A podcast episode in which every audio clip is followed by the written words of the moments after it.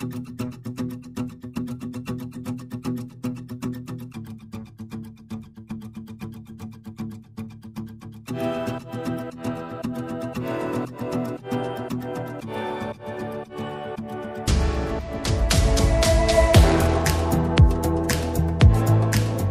Dzień dobry, z tej strony Jakub Bodziony w piątek, kiedy w naszym wideo podcaście rozmawiamy o sprawach międzynarodowych. Możecie nas oglądać na Facebooku i YouTubie, a później na najpopularniejszych serwisach streamingowych, takich jak Spotify czy Apple Podcast.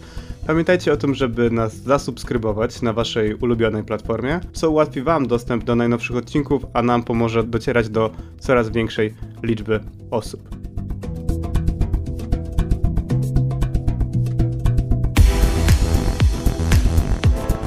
Dziś rozmawiamy o kłopotach i to nie byle jakich, bo coraz głośniej mówi się o tym, że Facebook ma kłopoty właśnie i kolejne problemy. I mowa tu nie tylko o ostatniej awarii portalu, która była jedną z największych w historii od czasu założenia Facebooka, bo prawdziwym problemem dla tej firmy nie są technikalia, ale coraz lepiej udokumentowana szkodliwa działalność Facebooka. Bo chociaż Mark Zuckerberg zapewnia o potrzebie zapewnienia transparentności swoich działań i zapewnieniu bezpieczeństwa użytkownikom, to ujawnione niedawno dokumenty i zeznania Frances Hogan, byłej pracowniczki Facebooka, wskazują na coś innego.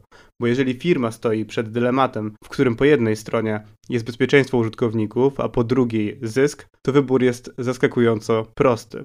Od lat mówi się też o potrzebie uregulowania sektora big tech, no i powstaje pytanie, czy te działania zostaną przyspieszone przez ostatni skandal. O tym rozmawiam dzisiaj z Katarzyną Szymielewicz, prawniczką, współzałożycielką i prezeską Fundacji Panoptykon. Dzień dobry. Cześć Kasiu. Powiedzmy najpierw o tej technicznej awarii Facebooka, do której doszło 4 października.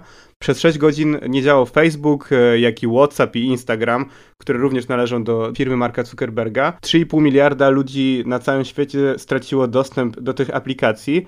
Czy my już dzisiaj wiemy, co dokładnie się stało? Nie wiemy, dlaczego Facebook miał awarię i myślę, że nie jest to informacja, którą firma chętnie będzie przekazywała publicznie. I też nie sądzę, żeby to było tak bardzo istotne. Są oczywiście spekulacje ekspertów od spraw bezpieczeństwa. Ja słuchałam z ciekawością tego, co mówił Piotr Konieczny, czyli można byłoby oczywiście wchodzić w bebechę Facebooka, w jego algorytmy i w to, jak dokładnie doszło do awarii od strony technicznej, ale myślę, że nie to jest tutaj ważne. Ważne jest to doświadczenie ludzi, którzy mogli w praktyczny, taki poglądowy sposób przekonać się, co to znaczy dominująca pozycja na rynku usług cyfrowych i dlaczego prawnicy, tacy jak my w Panoptykonie i regulatorzy od lat, w zasadzie od już ponad dekady, czepiają się Facebooka za to, że pochłania kolejne usługi i że zarządza nimi w sposób scentralizowany. Na przykład dzięki tej awarii dowiedzieliśmy się, że nie tylko Facebook kontroluje trzy najpopularniejsze aplikacje instant messaging, tak? czyli Messenger, WhatsApp i Instagram, ale wręcz trzyma je na jednym serwerze. Dlatego wszystkie trzy nie działały w tym samym momencie. Kiedy jeden serwer się psuje, no to już nie sposób było tego naprawić w tak szybki sposób. Bo ta podobno cała awaria nie była szczególnie skomplikowana, tylko sam fakt, że właśnie Facebook trzyma wszystkie swoje dane, jak i mechanizmy na tym swoich serwerach sprawiło, że ona była tak poważna tak naprawdę. Były tam problemy z dotarciem do źródła. Nie wyjaśnię tego dobrze, bo jest to dość skomplikowana kwestia techniczna. Dlaczego ludzie Facebooka nie byli w stanie dostać się fizycznie do, do serwerowni? Dlaczego stało się tak, że nagle cały internet zapomniał, gdzie leżą serwery Facebooka? Serwery, które również kontrolują możliwość dostępu, to znaczy tam są informacje uwierzytelniające pracowników i dostęp do tych informacji również nie działał. Czyli to miało ścisły związek z tym, jak skonstruowana jest architektura internetu, jak działa system DNS, system domen i jak awaria w odsyłaniu po prostu w ramach tego systemu domenowego do odsyłaniu na serwer może mieć daleko idące implikacje. Ale nie jestem ekspertką techniczną, nie chcę brnąć w to techniczne wyjaśnienie. Dla mnie istotna jest społeczna i polityczna strona tej e, awarii. Można też powiedzieć, że to nie jest awaria, której Facebook nie mógłby przewidzieć. W tym sensie, że jeżeli firma decyduje się na centralne zarządzanie tak dużymi, tak ciężkimi aplikacjami, musi liczyć się z tym analizie ryzyka, że jeżeli coś padnie, a raz na jakiś czas coś pada, ktoś popełnia błąd, najczęściej jest to człowiek, ale czasami też algorytm, to reperkusje są dalekosiężne. I pytanie ciekawsze jest, dlaczego Facebook zarządza tymi serwisami z jednego miejsca?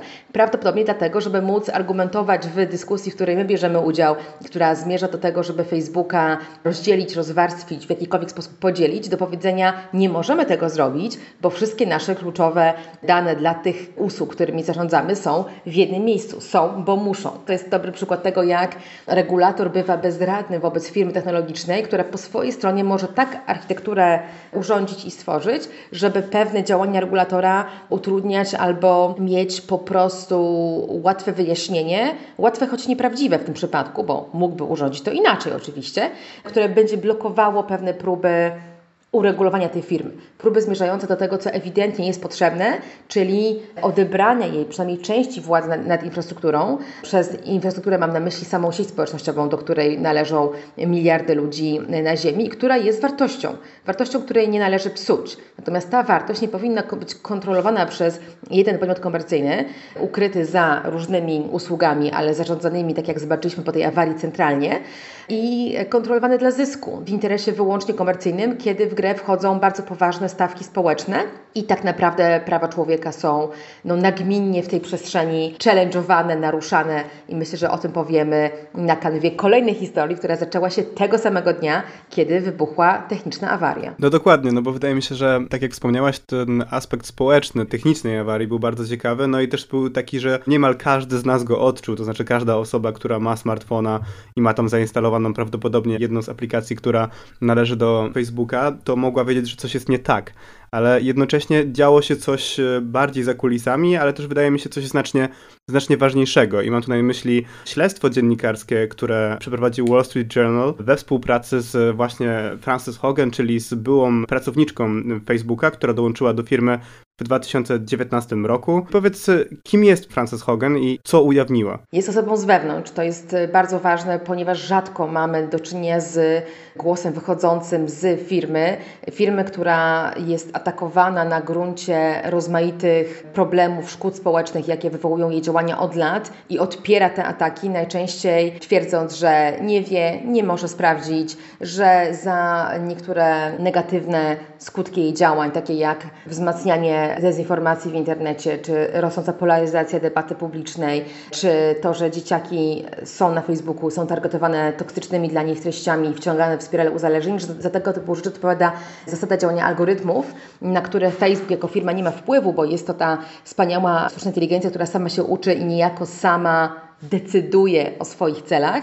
Tego typu wyjaśnienia bardzo często do nas docierają, do nas krytyków i w tym kontekście głos sygnalistki, która wychodzi z firmy i mówi, no właśnie takie składa, że ja coś o tym wiem, wiem o tym, ponieważ pracowałam przez lata w tej części Facebooka, która odpowiadała za zarządzanie, za problem civic engagement. E, to jest dział firmy, który powstał w wyniku zarzutów pod adresem firmy, że ona ma wpływ na debatę polityczną. On powstał po wyborach e, w 2016 roku, w którym właśnie Facebook był oskarżany o rozprzestrzenianie fake newsów. Tak, potem kiedy za sprawą afery z Cambridge Analytica w roli głównej i samym Facebookiem oczywiście okazało się dla wielu, bo nie wiedzieli to wcześniej, że rzeczywiście Facebook może wpływać na to, jak partie w tym kontekście targetują swoich wyborców, może im w tym pomagać, jeśli dostrzeże własny interes i może to robić bardzo skutecznie, ponieważ ma o tych wyborcach dane, których same sztaby wyborcze mieć nie mogą. I stąd się wzięła cała dyskusja o psychometrii, profilowaniu ludzi z uwagi na ich na przykład cechy psychologiczne,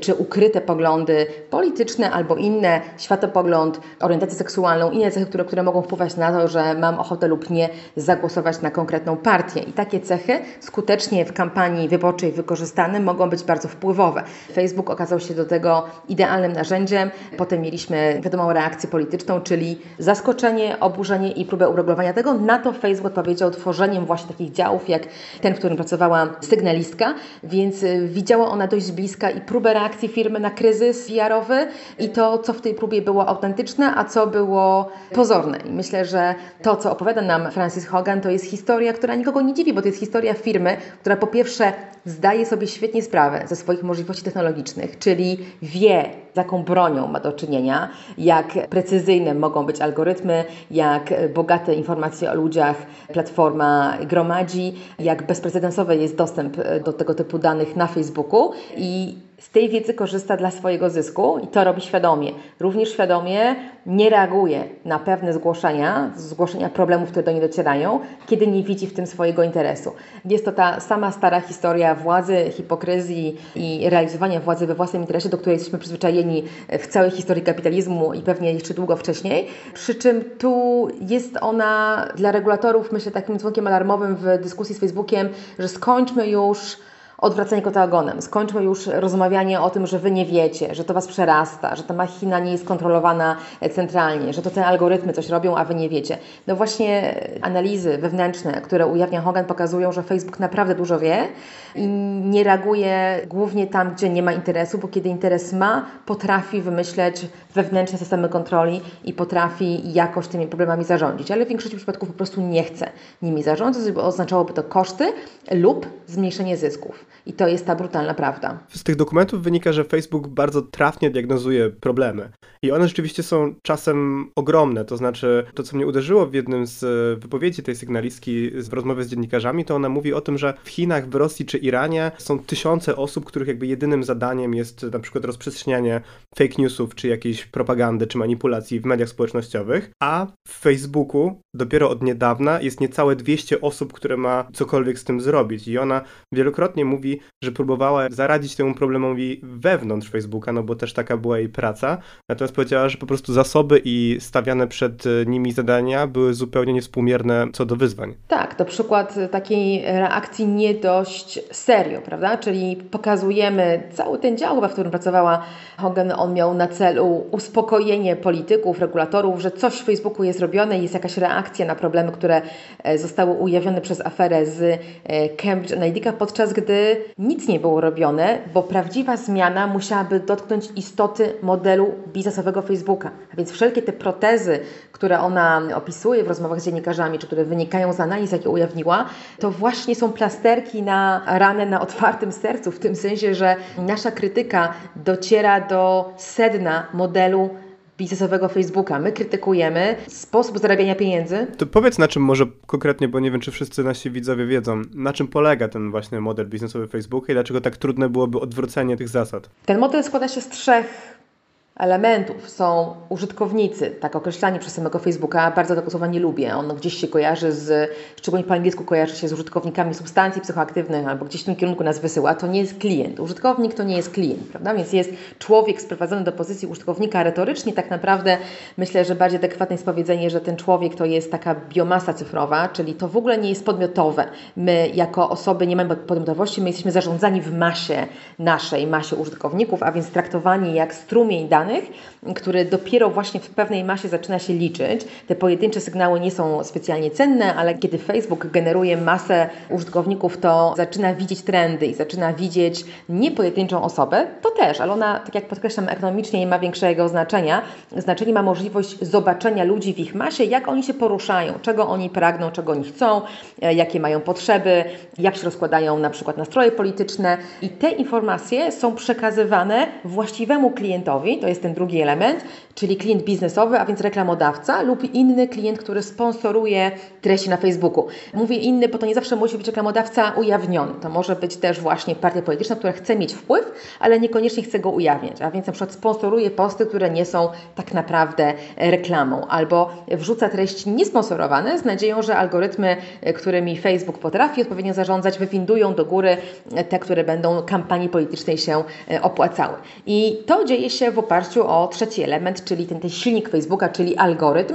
Tysiące algorytmów. To jest naprawdę skomplikowany system. Objaśnienie go techniczne nie jest proste i tego nie będę robić, ale może wkleimy kilka linków pod naszym podcastem, które odsyłają zainteresowanych trochę w głąb tej algorytmicznej fabryki Facebooka, bo to jest dość fascynujący mechanizm, naprawdę niebanalnie skonstruowany i dość skuteczny. Więc ten mechanizm, on ma cele biznesowe. Jeden cel biznesowy, zaangażować użytkownik, ta masa użytkowników, ta biomasa cyfrowa ma być angażowana po to, żeby generować zyski po stronie reklamodawców, czyli klikać, ale też po to, żeby dostarczać kolejne strumienie danych, które służą profilowaniu i ulepszaniu tej machiny reklamowej. A pomiędzy oboma grupami są algorytmy. Algorytmy, które robią dwie rzeczy. Z jednej strony uczą się tych ludzi, czyli umożliwiają ich ciągłą obserwację behawioralną. Podkreślam behawioralną, bo tu nie chodzi o informacje, które my ujawniamy mówiąc coś na swój temat albo pisząc. To też, ale to jest czubeczek góry lodowej. Najcenniejsze informacje wynikają z obserwacji zachowania tej masy ludzkiej, prawda? Czyli z tego, co my autentycznie robimy w sieci, nie tylko na Facebooku, w całym internecie, gdzie tylko Facebook ma swoje piksele czy inne śledzące macki. I dzięki temu algorytmy opisują ludzi w ich masie, opisują trendy, opisują, przedstawiają jakby okazję do targetowania. Z drugiej strony algorytm służy również samemu targetowaniu, czyli przychodzi nasz reklamodawca albo inny sponsor, który mówi, potrzebuje dotrzeć do ludzi, którzy na coś chorują, albo potrzebuje dotrzeć do ludzi, którzy się czegoś boją, albo potrzebuje wykorzystać te nastolatki, które e, siedzą tam w domach w depresji, w covidzie i chciałbym im coś sprzedać, albo potrzebuję znaleźć niszę polityczną w takiej Polsce, albo chciałbym przeprowadzić kampanię, która targetuje jakieś wrażliwe cechy nie wiem, kobiet, które dokonały aborcji, albo nie chcą jej dokonać, albo mają dzieci, albo ich nie mają, szukamy. I algorytm również z drugiej strony od reklamodawcy pozwala trafić, czyli pozwala z dużym prawdopodobieństwem określić, gdzie jest ten target, bo to nie jest oczywiste, prawda? Nie mówimy tutaj o cechach, które ludzie by ujawniali na swój temat, mówimy cały czas o pewnym polowaniu i o pewnym przewidywaniu i spekulacji. Do tego również służą algorytmy. Więc Facebook, on tym zarządza, on tworzy środowisko, w którym to wszystko się spina i ma dosyć wygodną pozycję, bo widzi obie strony, widzi i ludzką masę, obserwuje jej zachowania i widzi oczekiwania reklamodawców i zarządza algorytmami. Ale ponieważ jest to piekielnie technicznie złożone, złożona konstrukcja. Facebook lubi mówić to, co powiedziałam chwilę temu. My tak naprawdę tylko tutaj sprzątamy, obsługujemy, umożliwiamy. To nie my wyznaczamy te cele, to nie my recenzujemy kampanie reklamowe, to nie my przecież mówimy ludziom, co mają osoby ujawniać, a czego nie, nie mówimy im, jak się zachowywać na portalu. To są wszystko decyzje naszych userów i klientów. No i to, co pokazują dokumenty sygnalistki, to o czym my mówimy od lat, to jest to, że nie całkiem, bo Facebook wybrał sobie model, biznesowy zarabiania na zaangażowaniu użytkownika, co powoduje, że na ten właśnie cel pracują jego algorytmy. A więc jakby tego nie przekładać, Facebook ma większy zysk, więcej zarabia, kiedy ludzie klikają więcej, kiedy jest więcej reklam, kiedy ten przepływ pieniędzy od reklamodawców jest silniejszy, a jest silniejszy, kiedy silniej angażują się użytkownicy.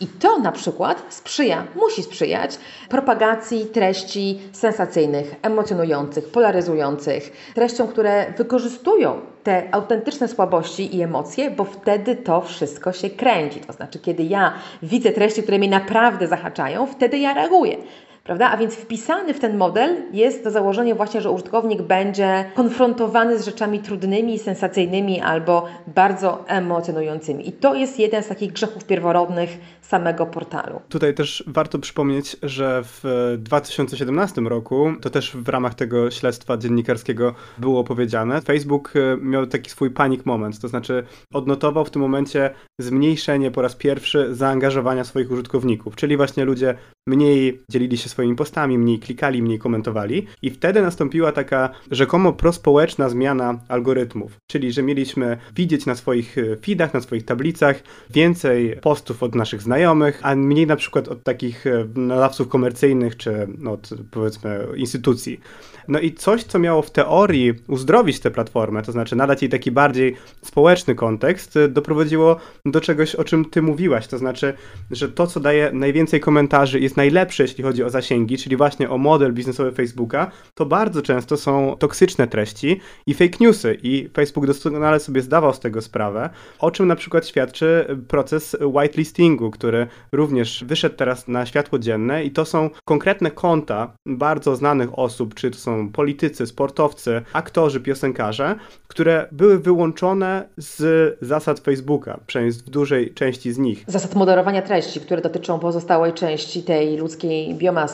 Tak, i dlatego na przykład Donald Trump przez lata mógł publikować treści związane z mową nienawiści. Też dochodziło wielokrotnie do, do propagowania treści związanych z pornografią. Tutaj jest na przykład sprawa Neymara, czyli brazylijskiego piłkarza, który streamował wręcz wideo, podczas którego ujawniał nagie zdjęcia swojej byłej dziewczyny i Facebook normalnie by usuwał tego typu konta. I Neymar spotkał się tylko z tym, że usunięto konkretny post, natomiast y, setki milionów ludzi już ten post widziało. I pokazuje, że po prostu Facebook wyjmuje konkretne osoby ze swoich zasad, ponieważ mu się to opłaca.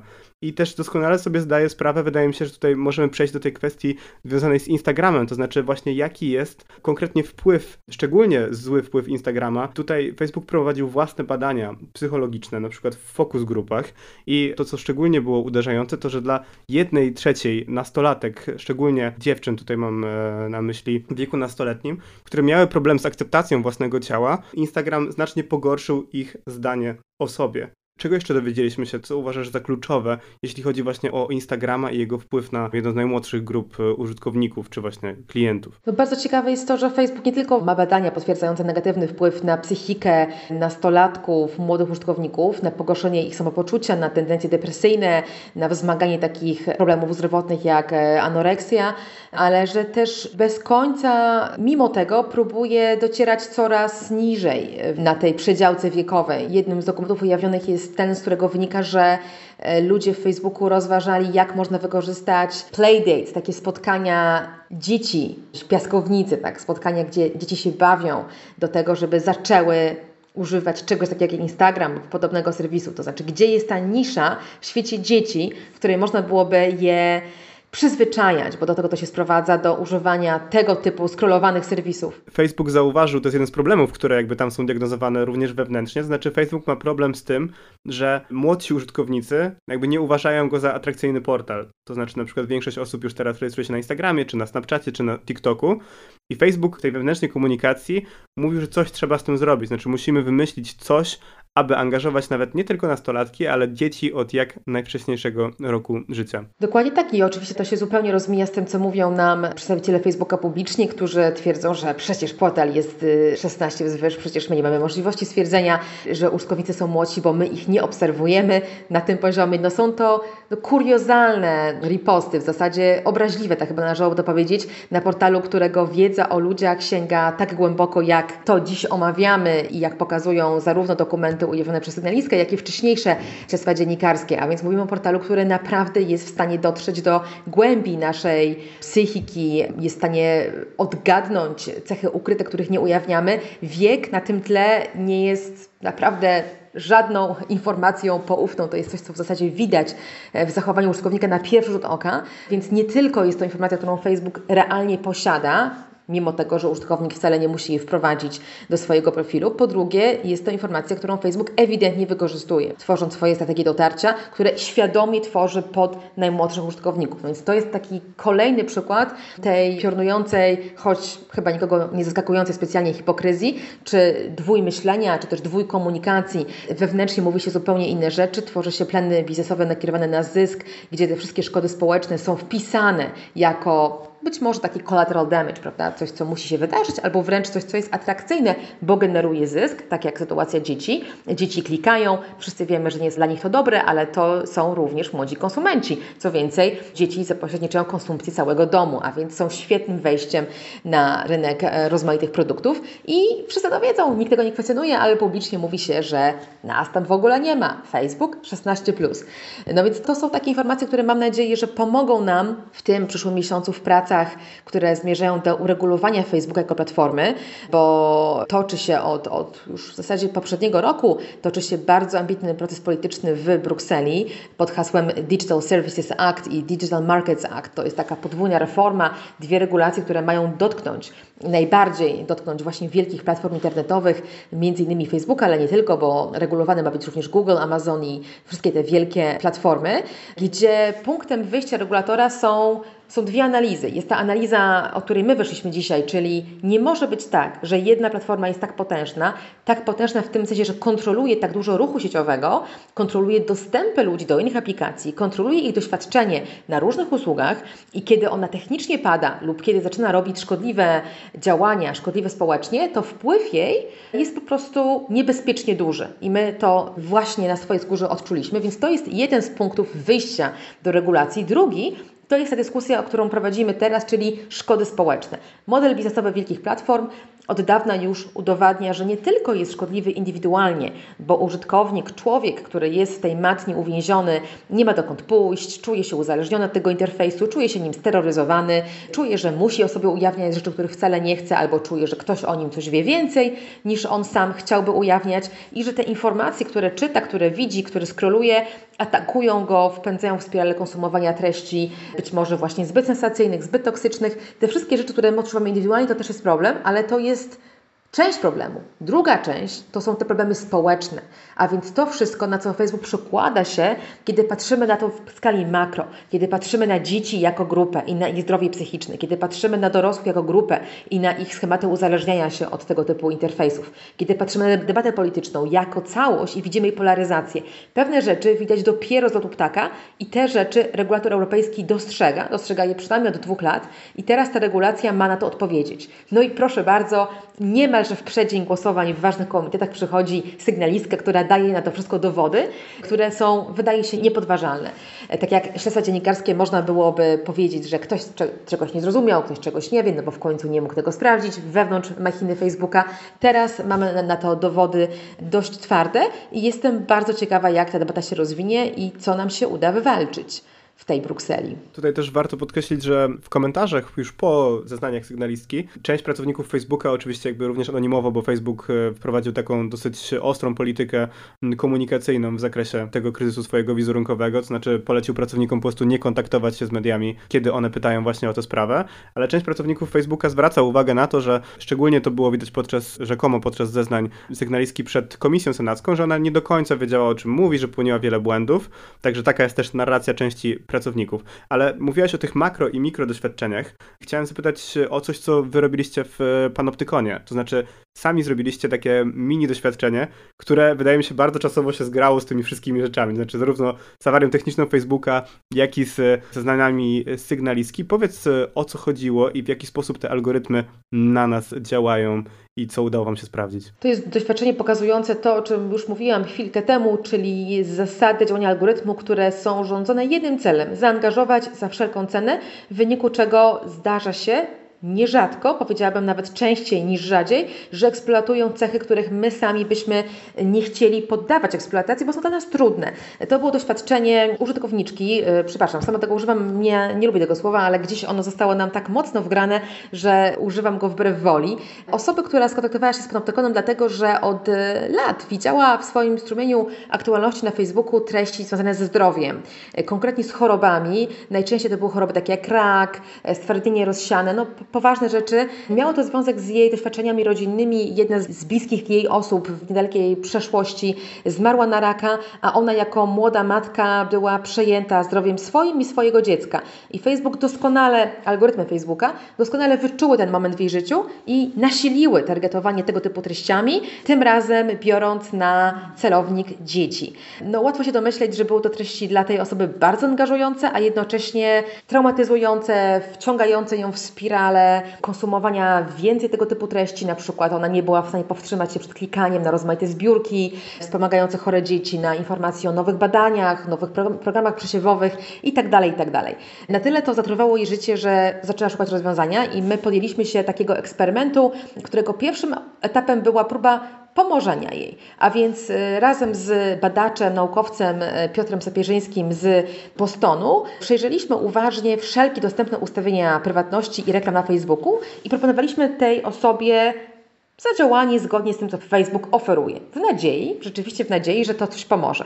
Po dwóch tygodniach okazało się, że nie pomaga. Bo to też jest taka narracja właśnie o tym, że przecież mamy dostęp do różnych narzędzi, możemy mówić jakby co lajkujemy, a co nie, albo jakaś reklama nam się nie podoba. To też taka argumentacja, że przecież nie musimy oglądać takich rzeczy, że to właśnie użytkownicy o tym decydują, a nie sam Facebook. Dokładnie tak, e, więc w kontrze do tej narracji sprawdziliśmy to. E, cały eksperyment trwał dwa miesiące, miał kilka etapów. Pierwszym z nich było właśnie skorzystanie z dostępnych ustawień i to nawet w kilku fazach. Najpierw powiedzenie takie aktywne Facebookowi, czym ta osoba się nie interesuje, a potem próba odkliknięcia wszelkich drażniących ją zainteresowań, które Facebook sam jej przypisał. Bo tak to się dzieje, że w wyniku tej obserwacji, o której mówiłam, obserwacji behawioralnej, którą robią dla nas, dla nas, za nas, o nas algorytmy, machina reklamowa Facebooka przypisuje nam zainteresowania. Ja bym powiedziała, że to są bardziej takie tagi, e, które mają nas oetykietować i wystawić na giełdzie reklam, ponieważ to, że ktoś klika w treści dotyczące zdrowia, wcale nie musi być jego zainteresowaniem. Być może lekarz się tym interesuje zawodowo, ale osoba taka jak e, nasza uczestniczka eksperymentu nie interesuje się, ona się tego po prostu boi. Te treści ją angażują i są skuteczną bronią, kiedy ktoś ma interes w tym, żeby ona klikała dalej, mimo że ona chciałaby już pójść do pracy albo się z tego wyłączyć, natomiast nie jest to jej zainteresowanie.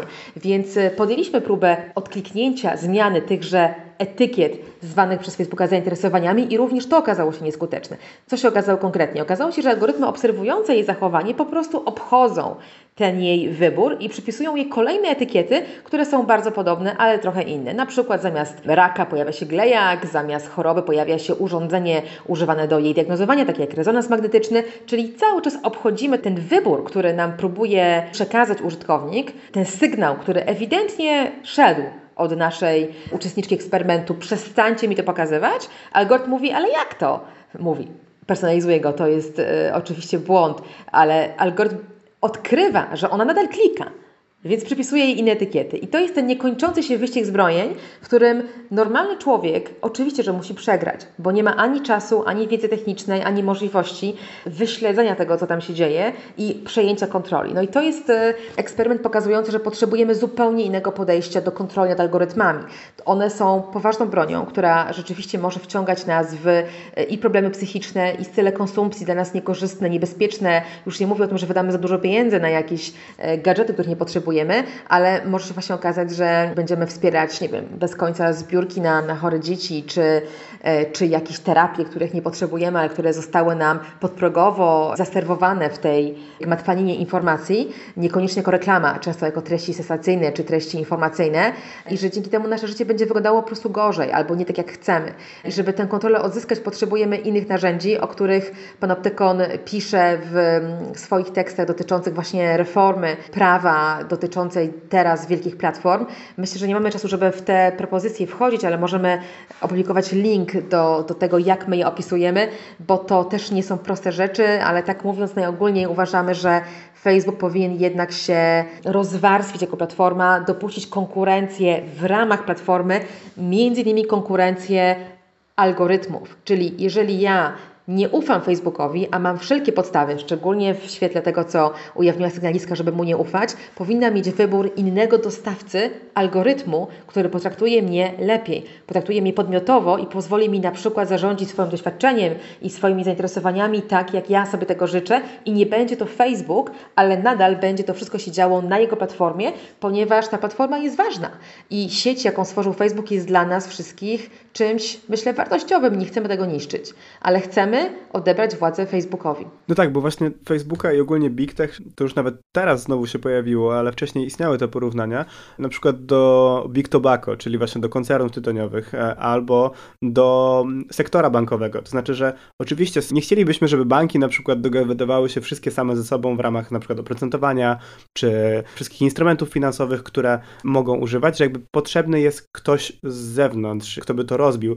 I czy Twoim zdaniem te regulacje europejskie i teraz amerykańskie, które, o których również coraz więcej się mówi, przy zaznaczeniu oczywiście, że podejście do firm, jak i do prywatności w Ameryce i w Europie jest zupełnie inne, czy one dają nadzieję rzeczywiście na zmianę czy będziemy tak gnić i grząść w tym, co Facebook robi? Nadzieja umiera ostatnia. Oczywiście, że ją mamy, e, musimy ją mieć. E, walka trwa. W tej walce nie tylko mamy aktywne big techy, ale mamy też aktywne środowiska obywatelskie i lobbystów reprezentujących mniejsze firmy, bo pamiętajmy też o nich, że takie zmiany, które sobie wyobrażamy, zmiany polegające na zachowaniu infrastruktury, jaką jest Facebook i inne platformy, ale odebraniu im kontroli nad nią, przynajmniej tej pełnej, one mogłyby też służyć bardzo dobrze rynkowi i konkurencji, a więc mogłyby wspierać te przysłowiowe, mniejsze i średnie przedsiębiorstwa, o których tak często w debacie europejskiej słyszymy.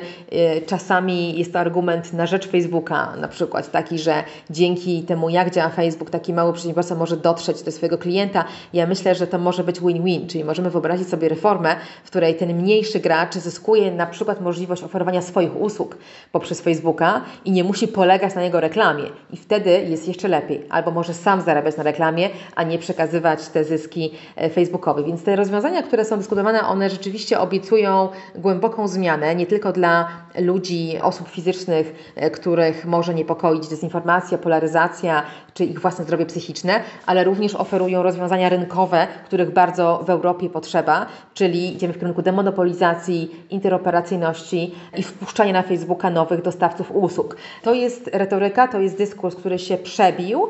Takie komunikaty słyszymy od liderów Unii Europejskiej i takie komunikaty też wysyła od wielu lat już Federalna Komisja Handlu. W przepisach jest na razie taka trójka z plusem. Powiedziałabym, że są tam zręby regulacji, które mogłyby takie drzwi e, do zmiany e, uchylić. Pojawia się konkretnie definicja gatekeepera, czyli takiej platformy między innymi Facebooka, która w tym momencie trzyma wejście do internetu dla zbyt wielu osób i która kontroluje doświadczenie nie tylko użytkowników, ale również kontroluje, co mogą i czego nie mogą robić dostawcy usług, tacy komercyjni, inne firmy. I ten gatekeeping trzeba rozmontować, więc ta koncepcja już jest, ale samo rozmontowywanie nie jest dość radykalne w mojej ocenie. To są jednak wnioski wyciągnięte z najgłośniejszych spraw antymonopolowych, które są teraz przetłumaczone na reguły prawa.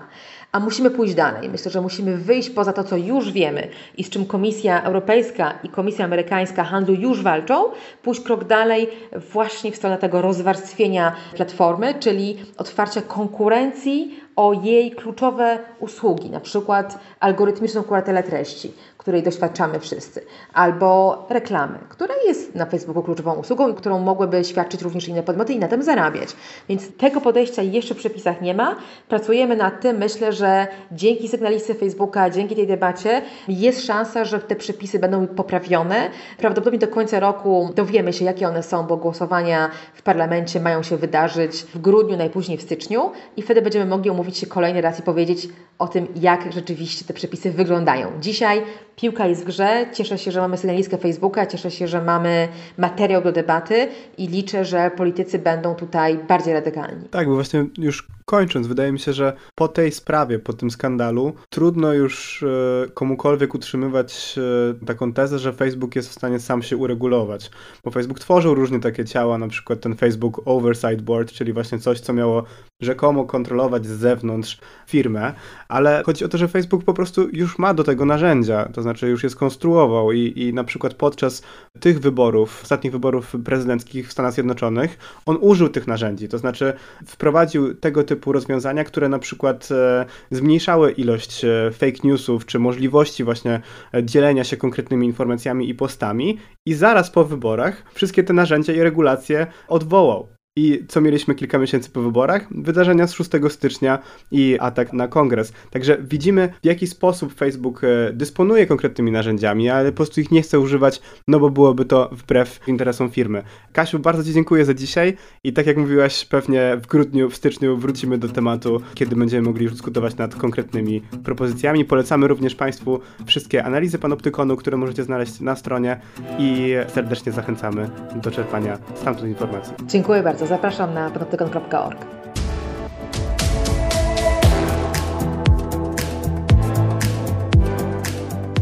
I ja również dziękuję Państwu, że byliście dzisiaj z nami. Nad wydaniem dzisiejszego programu czuwała Aleksandra Saba. Bardzo jestem wdzięczny wszystkim osobom, które nas wspierają, na przykład przez portal Patronite, do czego serdecznie zachęcam, bo ten i inne programy kultury liberalnej, czyli Środowy Widok z K2, Karoliny Wigury i Katarzyny Kasi oraz Czwartkowe Prawo do Niuansu prowadzone przez Jarosława Kuisza, ukazują się tylko dzięki Waszemu wsparciu. Dzięki raz jeszcze i do zobaczenia w następny piątek.